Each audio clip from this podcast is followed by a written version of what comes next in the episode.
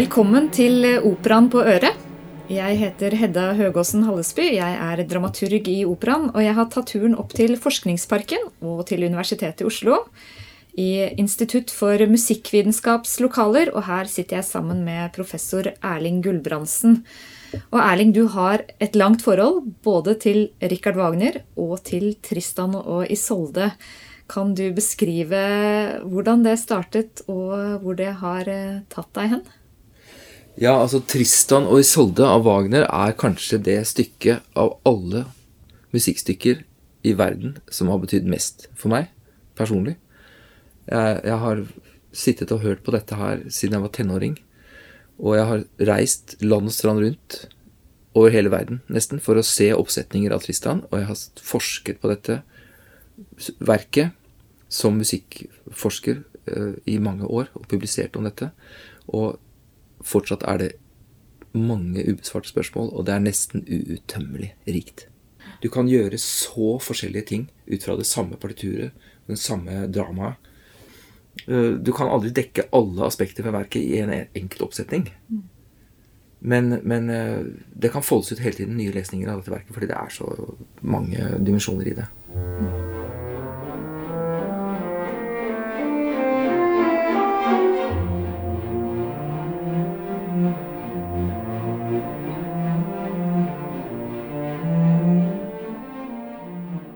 Det er en av de operaene som funker aller best som konsertant framføring. Og det er fordi det skjer så ufattelig lite i selve teateret. For det er, det, det er de tre aktene. Det, er, det, kan fortelles på to sekunder. Altså første akt så er de på skipet. Og Isolde er fly forbannet og rasende og krenket og fornærmet fordi hun elsker egentlig Tristan, men vil ikke innrømme det for seg selv. Og nå har Tristan bare hentet henne som en pakke som skal leveres til en annen, nemlig til kongen. Hun skal gifte seg med kongen. Og Den første akten går fram til det punktet hvor de da drikker denne famøse kjærlighetsdrikken. Da går teppet ned. Katastrofe. Da, da rakner alt. Andre akt Da skjer det nesten ingenting. De ligger i hagen. Uh, muligens på hennes værelse, men det foregår egentlig ute i hagen. I borgen til kongen, kong Marke. Fram til det øyeblikket hvor kongens menn styrter inn. Og Tristan blir utfordret. Kongen synger sin klage, og Tristan kaster seg på sverdet til eh, rivalen og dør. Så halvannen time fram til det punktet. Tredje akt, nesten det samme. Da er, vi, da er tredje location. Da er vi i den gamle borgen til Tristan i Bretagne, Nord-Frankrike. Tristan er dødelig såret og har delirium. Og han synger og synger og synger i halvannen time om at Isolde må komme. Isolde er den eneste han kan leve for. Isolde, uh, må, hun må komme, De må sammen vandre inn i døden. Hun må helbrede ham for at de sammen kan dø. Så kommer Isolde, og han river av seg bandasjene og dør på stedet. Dør i armene hennes. Og hun dør av hjertesorg. Så det er tre veldig lange akter hvor nesten ingenting skjer. Og sånn sett så kan man faktisk oppføre dette konsertant. For det er liksom ikke veldig mye fram og tilbake, og folk som kommer ut av skapet og går, løper og forvekslingskomedier og handling og teater og, og, og komedie og sånn. Det er det ikke. Men i denne andrakten som vi gjør, hva skjer likevel der? Når de bare ligger der? Hvilket drama er det som utspiller seg i dem og, og mellom dem? Mm, mm. Uh, de ligger i hverandres armer veldig lenge og i hemmelighet. Det er, mange, mange dimensjoner. Det er mange nivåer. Men sagt med ett ord så får vi på en måte en slags buddhistisk uh, innføring i, uh, i dødslengsel. Tristan forklarer Isolde, og hun er allerede helt innforstått. Han forklarer henne at vi kan aldri få hverandre fullt ut i dette livet. Det er bare i dødsriket at vi kan bli fullt ut forenet. For i i denne verden så kan det ikke gå. Og da får du en mengde sånne eh, replikker fram og tilbake. Det handler om lys og mørke, det handler om natten og dagen. Det handler om øre og øye. Eh, kort sagt, dagen eh, Dagen er basert på dagslys og øye og det vi kan se. Og på fornuften og forstanden og på enighet og på opplysning. Er dagen. Og det er ikke noe for Tristan. Natten er det motsatte. Natten er basert på mørke, og på lytting, og på stemme, og på sang, og på det usynlige og det ubevisste som ligger under. Og natten er musikkens rike. Og som Nietzsche senere skulle si, natten er også det dionysiske og det dionysiske rike. Mens det apollinske, det er dagens rike. Det er innsikt, klarhet, distanse, syn. Mens det dionysiske er Rus, mørke, ekstase og selvforglemmelse. Så det, dette er et lærestykke. Altså, de, de, ligger ikke bare der og, og, og koser seg, men de, de, de, går dypt inn i verdens meningsløshet og mørke og pessimisme. Og inn i sin egen dødslengsel.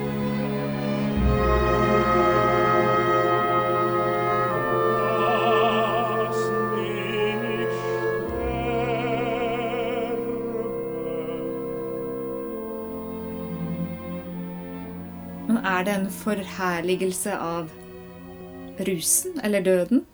Ja. Det, det, det, kan man gjerne si. Men det er Wagner ville ikke vært Wagner hvis han bare var pessimist og bare ville ha en forherligelse av død. Wagner er også Han er altfor optimistisk. Eh, han vil ha begjær og kjærlighet og lyst og liv og lengsel og varme og forløsning. Elskov. Mm. Så der, går han, der skjærer han helt vekk fra Schopenhauer. Hvem er Schopenhauer? Schopenhauer er den tyske filosofen som Wagner leste da i 1854 og ble helt uh, overbegeistret for. Schopenhauer han skrev i 1818 til 1819, altså mange år før, så skrev han sitt verk uh, 'Verden som vilje og forestilling', som er en nytenkning av filosofien. Og Schopenhauer han mener kort og godt at uh, dette livet er uh, en misforståelse. Livet er basert på krefter som vi ikke har kontroll over. Schopenhauer er en antiopplysningstenker. Han kommer altså da 20-30 år etter den franske opplysningen, La Lumière. Han, han, han innvarsler romantikken, hvor det er det irrasjonelle det er det ubevisste drivkrefter som styrer menneskelivet. Fornuften er bare en bitte liten snerk på toppen. Schopenhauer tror ikke at det er fornuften som bestemmer i, i livet. Han tror at det er det han kaller viljen. Og det er nærmere bestemt viljen til liv. viljen til, Det er begjæret etter liv. Og Schopenhauer han, han, hadde jo lest buddhisme, og Schopenhauer han skriver om dette, og han sier at uh, livet kan ikke Altså en enkeltperson, du og jeg, vi kan aldri innfri livsviljen i vårt eget lille liv. Vi er altfor små. Vi har en bitte liten brystkasse, et bitte lite hjerte, og inni der er det ikke plass til hele livsviljen. For hele universet er drevet av viljen.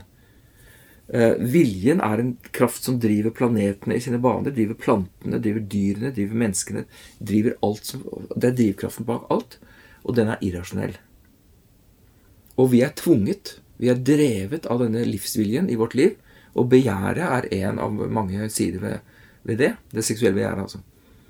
Schopenhauer han vil, han vil, befri oss fra viljen, viljens blinde drift, og han vil ha oss over i en form for intethet. Altså han sier at med, med Buddha at den eneste måten å bli fri på fra viljens uh, uh, vanvittige jag, det er askese, benekte begjæret, fornekte begjæret, eller kunst.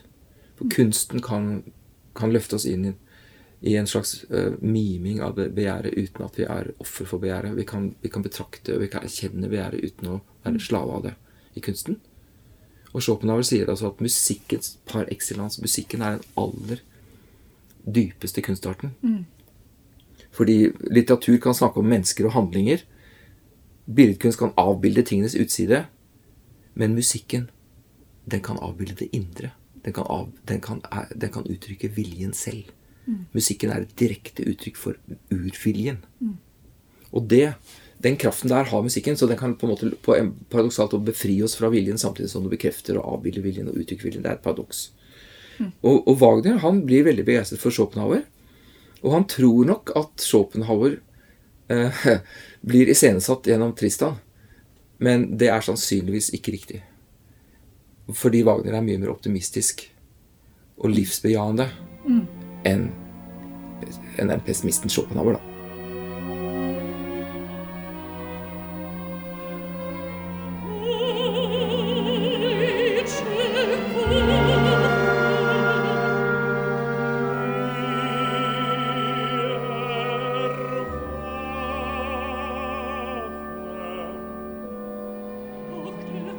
Men i andre akt Altså, Wagner pakker ut uh, Schopenhauerske tanker i det som Tristan og Isolde synger til hverandre i annen akt. Men til slutt så, så går ordene også i oppløsning. Det kan man høre i den akten.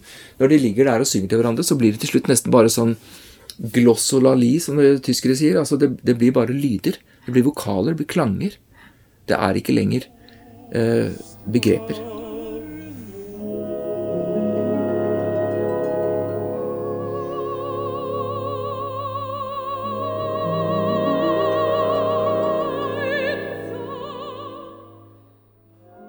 Så betyr det også at de opphever seg selv. De blir intet. De går fullstendig opp i natten, mørket, musikken, glemselen. Og dette er, dette er et enda, enda dypere nivå, ikke sant? Fordi eh, innsikt, forståelse, det er å huske, det er å erkjenne, det er å forstå, det er å begripe noe bevisst. Men når du begriper noe, så glemmer du alltid noe annet. Du kan ikke huske alt på en gang. Når du ser noe, så tildekker du noe annet. Og glemselen er den tilstanden som i siste instans ligner på døden. Og det er kanskje derfor det er en Altså I denne store duetten så peker de jo på denne likheten mellom Eros og Thanatos, altså, som også Freud senere pekte på. Det å miste seg selv i den store kjærligheten til en annen. Eller kanskje i, i noe større enn seg selv. Da. Og kanskje er det også vi gjør i opplevelsen av musikk. At man hengir seg til noe som er noe bakenfor det vi har kontroll over. Ja, ja helt enig. Helt enig. Og det det, altså, sånn er det jo at uh, musikken tilbyr en totalopplevelse. Og i Wagners tilfelle Hvis man går inn i hva som skjer i dette partituret, da, i denne orkesterverdenen og sangen, så tilbyr Wagner en totalopplevelse musikalsk. I beste fall så kommer man i flytsonen og blir bare totalt oppslukt. Og hva er det ved Wagners musikk som, som eh, tilbyr det? Jo, eh, Tristan-musikken, og også da Parsifal og Nibrungen-ringen og de store verkene til Wagner, gjør dette på en ny måte. Tristan er skrevet fullført i 1859. Eh, Den gjør det på en ny måte ved at det, musikken ikke er oppdelt i avsluttede numre som liksom er lukket og, og komplette. Det ene ar- arien etter den andre. Men i stedet så, så flyter det i en eneste strøm. Det er bare en sånn sammenhengende flom av bølger. Den ene bølgen etter den andre. Og du får aldri en tonika, som det heter i musikken. Du får aldri en altså, sluttakkord. Den får du faktisk ikke før det har gått fire og en halv time. Da får du sluttakkorden. Mm. Sånn at det er, en, det er en uendelig rad med bølger, symfoniske bølger, som går og går og, og bygger seg opp. Eh, Flo og ebbe, og så går det litt ned igjen, så er det nye bølger. Og det der, det, det er en måte å skrive på som ikke gir den kortsiktige eh, avspenningen som man er vant til. Det, det er en kompleksitet der. Og, og det er også dette med, til slutt da, dette med ledemotivene. Hva er det? Det er eh, merkelapper. Du har et ledemotiv som betyr sverdet. Og du har et ledemotiv som betyr kjærlighet. Og et ledemotiv som betyr død. Og et som betyr lengsel. Og et som betyr Tristan. Og et som betyr Isolde. Og et som betyr sorg. Og et som betyr kongen. Og et som er skipet. Og så videre og så. Så sånn ytre sett så er det merkelapper. Og når, når, man, når man får se en av disse størrelsene, så kan ledemotivet klinge, og da, da blir det bekreftet. Og det betyr det. Så det er liksom første nivå. Ledemotivene, merkelapper. Men hvis man prøver å lage en katalog, da, og det har folk gjort, de har laget katalog, telefonkatalog med alle ledemotivene, hva det betyr, så oppdager man at det passer ikke. For ledemotivene de flyter over i hverandre, og de ligner på hverandre. i Tristan så er det sånn at dødsmotivet ligner Veldig foruroligende så ligner det helt på kjærlighetsmotivet. Og kjærlighetsmotivet ligner på lengselsmotivet, og lengselsmotivet ligner på eh, sorgmotivet, som ligner på eh, altså, altså, motivene er ikke lukkede, små esker, men de er eh, akvareller som flyter over hverandre.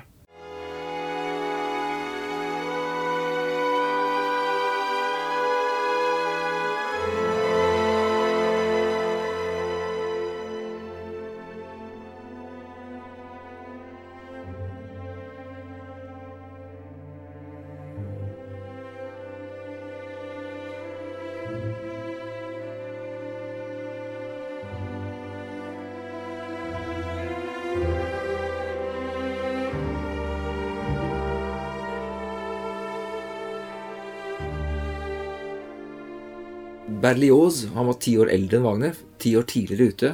Franske komponisten som skrev Symfoni Fantastique i 1830-31. Lenge før. Da han hørte Tristan, og hørte Tristan-akkorden, da, som er helt i starten, og som gjennomsyrer alt, så satt han i salen, og så skrek han, rett og slett. Så det er jo ganske altså det, det var, Da var det veldig radikalt. Nå kan man si at i dag så er Tristan-akkorden ikke radikal sånn, altså Vi har hørt den før, og den fins også allerede hos Bach, faktisk. Kan du bare kort beskrive den, hvordan den er? Eller? Ja, det, det, er en akkord med fire toner. Som, eh, som ikke er en treklang eller firklang vanlig. Mm. Tersbasert, som det heter. Det er, bygd, det er ikke bygd på terser. Og det spesielle med Tristan-akkorden er at den er dissonerende. Og den er verken dur eller moll. Den er verken ordentlig dissonans, hardcore eller konsonans. Og det er uklart hvilken toneart den er i også. Det kan tolkes innenfor flere tonearter på en gang. Det er veldig viktig at det ikke er dur og ikke moll. Det er hinsides dur og moll. Eh, det kan tolkes som en slags dim-akkord, men med en annen eh, forstørrelse av det ene intervallet. Så det er, det er en akkord som oppfattes som dissonerende først og fremst. Og da forventer man en oppløsning, som det heter. Mm. At den blir oppløst i en konsonerende, en harmoni. da. Men det får vi ikke. Denne dissonansen her, den oppløses til en ny dissonans. En septimakkord. Og det er det som gjør at man aldri får den hvilen.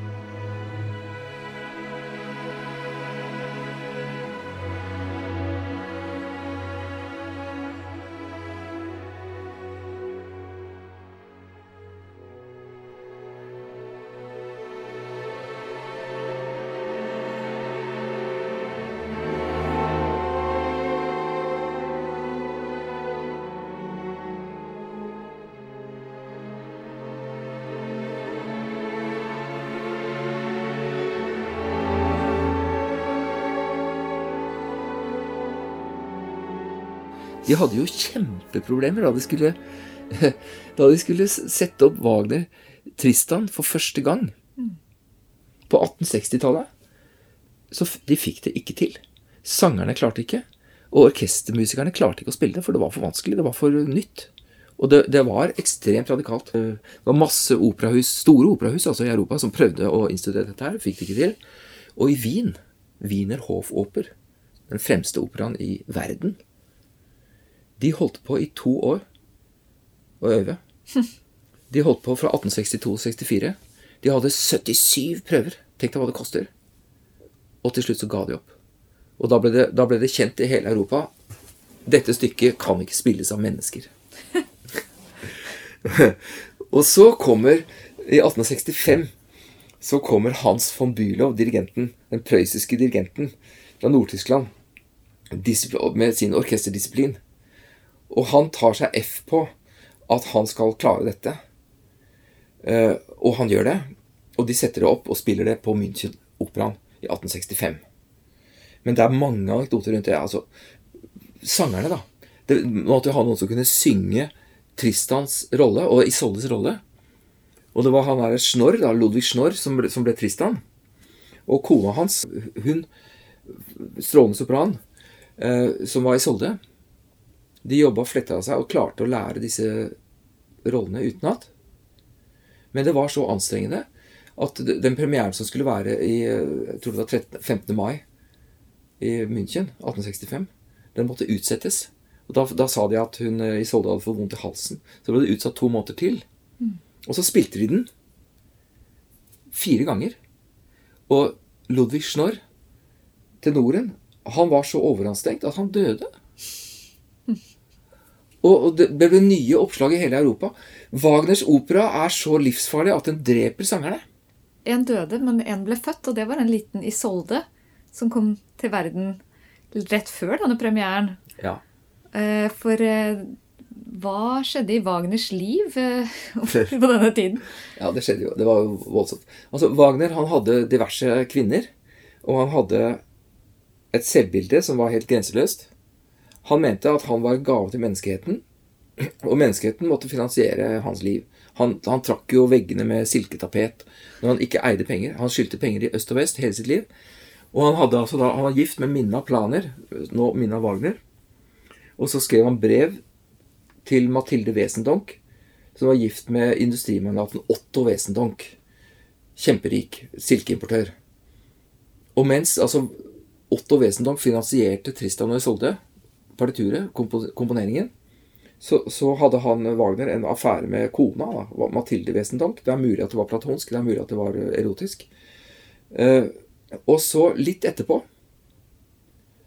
da det, det, det endte i skandale med Wesendonck, så traff han eh, Cosima von Bülow. Og hvem er det? Det er kona til dirigenten. Det er kona til Hans von Bülow. Han som dirigerte premieren. Cosima von Bülow, hun ble da gravid med Richard Wagner mens ektemannen innstuderte Tristan. Og dette ble kjent. Og de gikk nedover gata i München, på fortauet. Foran så går Cosima, høygravid, arm i arm med Richard Wagner. Og bak går ektemannen, Hans von Bülow, ydmyk som en hund, og dyrker Wagner. Som går foran med hans egen kone. Altså, det, det, er sånne bilder som kom i Det, det, var, jo, det var, jo, det, mest berømte paret i Europa. Mm. Eh, Cosima Wagner og, og Richard Wagner. Og, og, som du sier, Isolde, det var jo da datteren som ble født etter hvert. Midt oppi dette her. Eh, ble oppkalt. Mm. Datteren til Cosima og Richard Wagner ble oppkalt etter Isolde i Tristan og Isolde. Mm. Men Én ting er jo det virkelige livet som uh, fletter seg inn i dette dramaet, nærmest. En annen ting er det at uh, det var det mytiske som Wagner vendte seg mot. Ja. fra den flyvende hollender og utover, egentlig. Mer og mer inn i mytenes verden. Ja. og hva var det han fant der som gjorde at han klarte å skape de verkene han gjorde? Wagner var ekstremt oppslukt av mytestoffet. Og det er fordi han der fant det han kalte grunnkreftene i tilværelsen. De gamle ridderlegendene som overlever, de gamle folkevisene og fortellingene og eventyrene, de inneholder uh, essensen av livserfaring opp gjennom århundrer og årtusener. Og som det er som grunnkrefter i tilværelsen. Det er, liv, det er liv og død og kjærlighet og relasjoner. Men Wagner sa vel noe sånn at Tristan handlet om det grunnleggende ved den menneskelige eksistensen. Ja. Mente han at det grunnleggende ved vår væren i verden er å ville dø? Det er mulig at han mente det da. Han skrev i hvert fall det i noen brever mm. da til Mathilde Wesendonck. Eh, jeg er ikke helt sikker på om han mente det fullt ut, for han ville jo absolutt leve, han. Mm. Og han levde jo for fullt. Eh, men eh, hvis man skal ta ordene hans på alvor, ja, så, så har han skrevet det. At livet i bunn og grunn er lidelse, og at meningen med livet er å komme seg ut over lidelsen og over i døden. Mm. Men som jeg da pleier å betone ofte, det er ikke det det handler om i Wagners verker. Eh, han har blitt beskyldt for mye. da, Han har blitt beskyldt for å grunnlegge nazismen og sånn, og det er jo helt feil. Han, han døde jo i 1883. Det fantes ikke nazisme før på 20-tallet. 1920-tallet, 30-tallet. Men uansett, eh, han har blitt beskyldt for å være pessimist osv. Men saken er da at grunnmotivene i Wagners uh, dramaer er helt andre enn det. Det er ikke pessimisme. Grunnmotivet hans er dobbelt. Det er at uh, kjærlighet, ekte kjærlighet, gir mening og er mye sterkere enn f.eks. lengsel etter makt eller lengsel etter gull eller rikdom. Det er grunnmotivet i Ringen. Wagners ring og også Tristan. Kjærlighet skal være ekte kjærlighet. Og den er meningsfull. Det er, dette er en livsbejaende uh, livsfilosofi, da.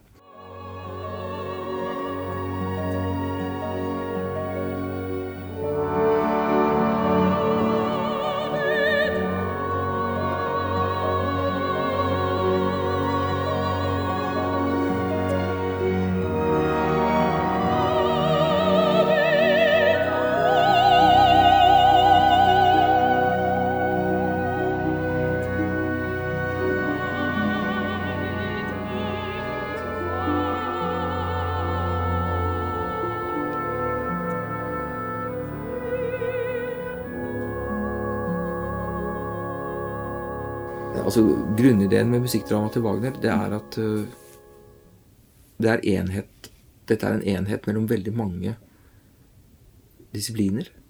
Det er en enhet mellom tekst og replikker og drama og teater og scene og kostyme og kulisser og sang og sangstemme og stemmens uttrykk og orkesteret og orkesterstemmen, det man, det man kaller det vitende orkester. Orkesteret som vet svarene bedre enn sangerne selv.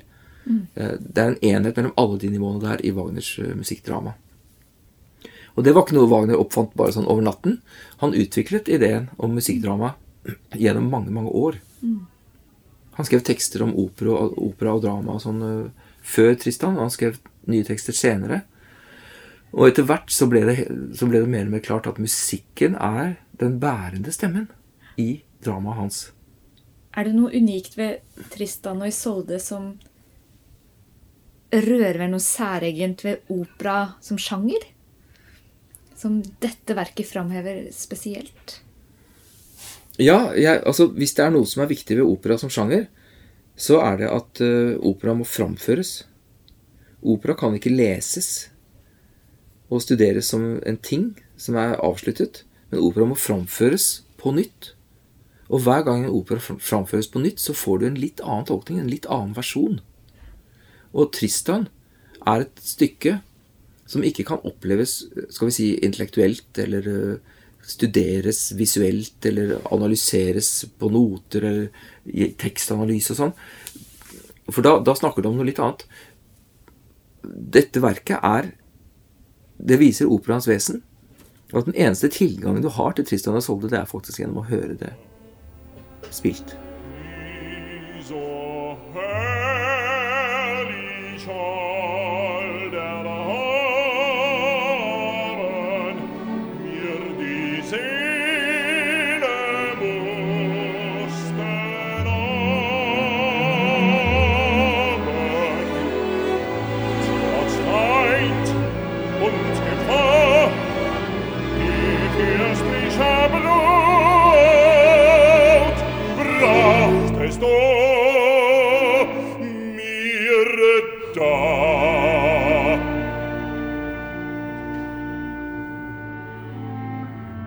Denne kong Marke, da, han eh, kom jo også inn i andre akt mm. med en uh, lengre monolog. Veldig lang.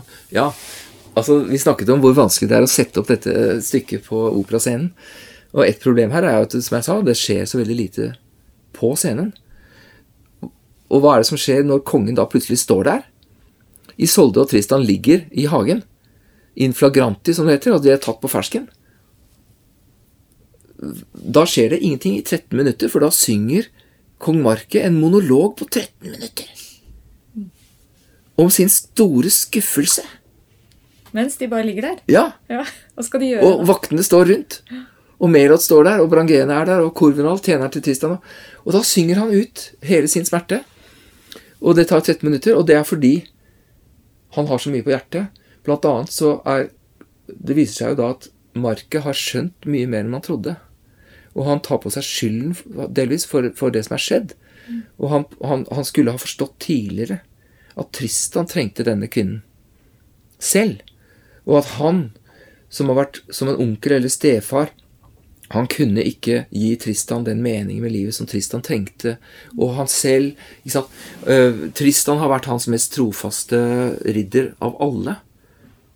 Og han har skaffet kongen den vakreste prinsessen av alle.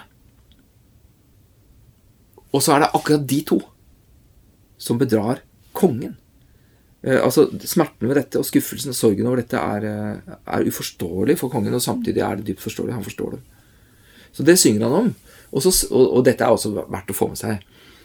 For den, den klagen til Marke, eh, som er den aldrende mannen, som blir eh, skal vi si, forbigått av en yngre, mer viril eh, ridder, eh, den klagen munner ut i et spørsmål.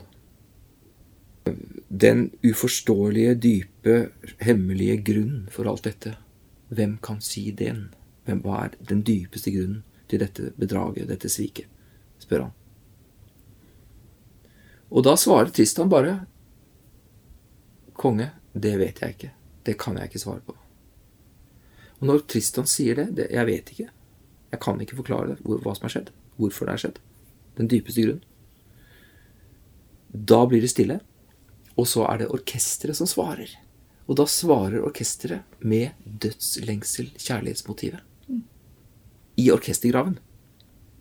Og det motivet er både kjærlighetsmotivet og Tristans ensomhet og Isoldes kjærlighet og dødslengselen i ett. Og det stiger opp fra graven. Og da er spørsmålet mitt, da, som tilhører og for så vidt Wagner-forsker Hvem er det som hører den stemmen? Det er en fortellerstemme her, som er orkesteret som snakker.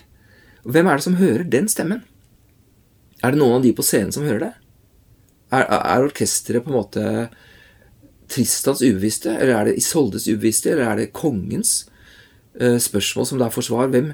Og da, da er det, så, det er veldig interessant å se hva, hva regissørene gjør med dette. Fordi de beste regissørene de viser oss at Tristan hører orkesteret.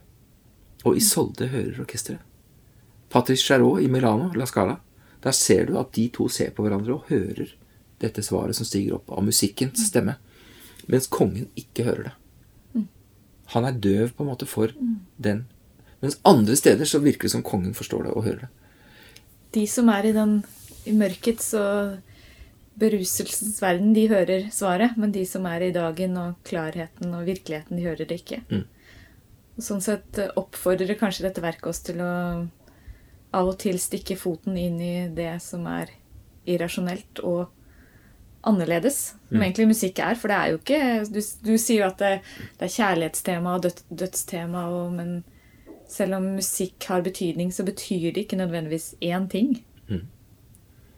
Og her er det musikken, musikkens mening som på en måte er altforklarende og samtidig gåtefull og helt uforståelig. Musikken vet alt, og den sier det, men den snakker i et språk som er grunnleggende gåtefullt.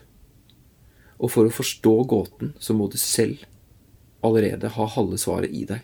Du må være åpen for å forstå den gåten i deg selv. Og gjør du ikke det, så er det et lukket land. Men åpner du deg opp, så blir musikken talende. Jeg tror vi skal la det være oppfordringen når vi hører Tristan og Isolde 31.1 på operaen.no. Takk skal du ha, Erling Gulbrandsen. Takk skal du ha.